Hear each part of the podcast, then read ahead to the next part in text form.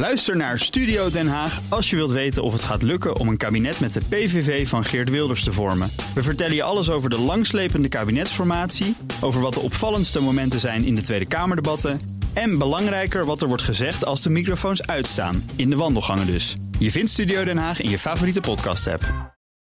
Iedere dinsdag bespreek ik op deze plek een briljante mislukking. En dat doe ik samen met Paul Iske, de Chief Failure Officer van het Instituut voor Briljante Mislukkingen. Goedemiddag, Paul.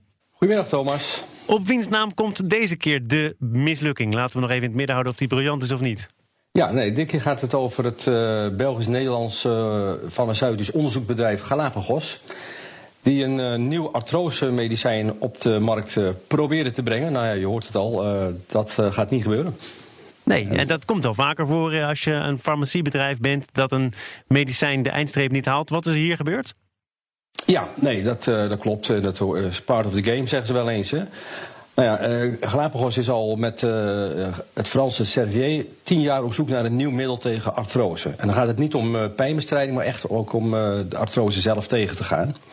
En, en, je weet, er zijn verschillende stadia waarin zo'n onderzoek uh, verkeert. Hè. Je, doet eerst exploratief werk en nou, na verloop tijd ga je het uh, uitproberen. Daarna gaan we heel veel mensen uitproberen. Tweede fase, derde fase.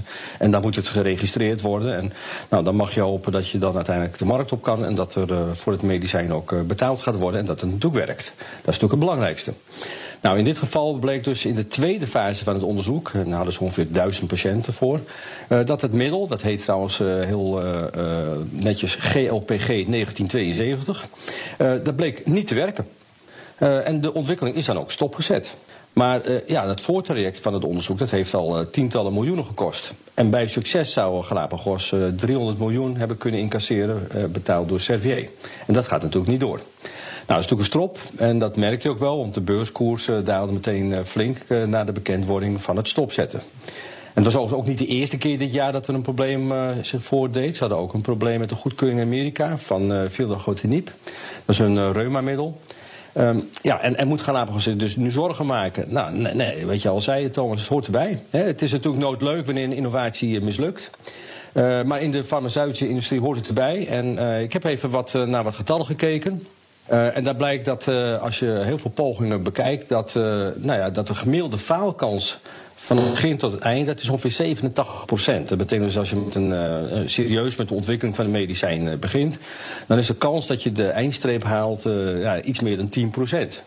En, en, de ontwikkeltijd is uh, rond de 12 jaar en de kosten ruim uh, 700 miljoen dollar. Dus dat, is, uh, dat zijn geen kleinigheden. Nee, daarom eisen volgens mij ook investeerders dat er dan wel wat tegenover staat, omdat de risico's zo groot zijn. En daarom zeggen ook veel farmaciebedrijven: zijn de prijzen van de medicijnen die het wel halen ook relatief hoog. Ja, nou ja, daar kun, uh, daar kun je wel iets van vinden. Uh, want het gaat uiteindelijk gewoon om hoeveel winst maakt zo'n bedrijf. Ik, ik, snap die discussie eigenlijk nooit helemaal. Want je kunt uiteindelijk bekijken, ja, wat is de EBITDA? He, wat is de, de, de, hoeveel winst maakt zo'n onderneming? En vinden we dat uh, niet passen bij zo'n onderneming, dan kunnen we wat van vinden. Ik, weet niet of, hoe slim het nou is om dat nou per medicijn allemaal uit te splitsen.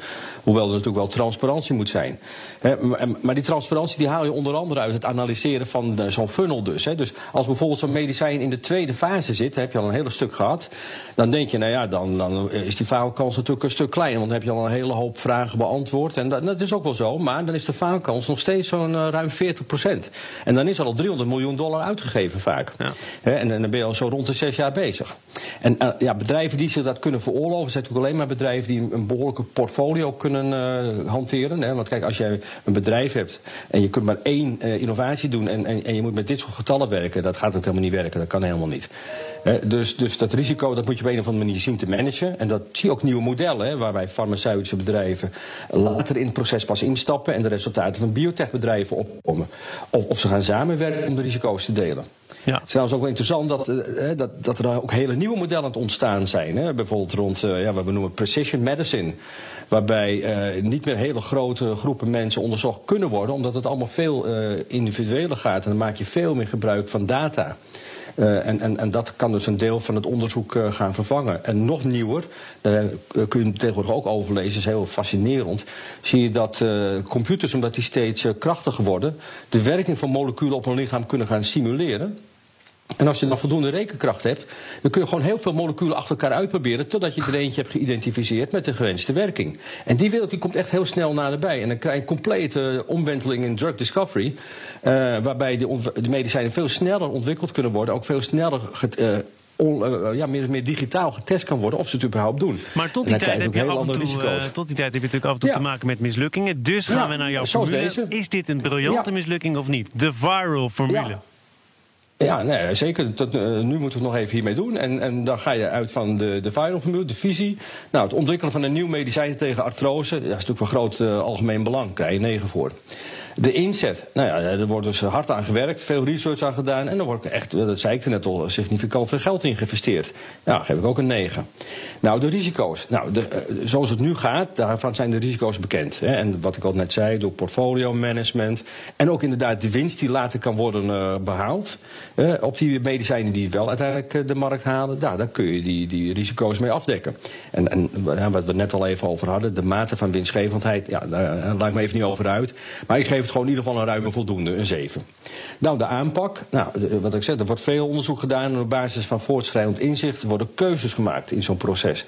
Zoals nu bijvoorbeeld, dat vind ik ook heel sterk. Ja, stoppen. Als het niet werkt, dan moet je ook stoppen. Moet je ook niet doorgaan. Dus ik denk dat ze dat hier ook op het goede moment gedaan hebben. Het werd duidelijk, stoppen. Een 8.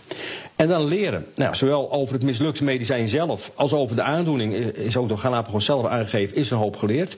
Maar ook over de samenwerking. Uh, en ik weet ook zeker dat Galapagos dat op een of andere manier later weer gaat toepassen. Dus ja, ik geef dat ook een, een 8 of een 9. En als ik alles bij elkaar optel van mijn vul, deel je, me, kom je op een 8,4 uit. Ik vind het een echte briljante mislukking. En ik hoop ook uh, oprecht dat men door blijft gaan om mooie medicijnen te ontwikkelen.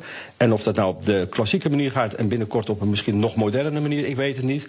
Maar uh, ik zou zeggen, uh, doorgaan en niet stoppen. En Galapagos die komt hier ook wel weer overheen. Paul Iske, de Chief Failure Officer van het Instituut voor Briljante Mislukkingen. Dankjewel, tot volgende week.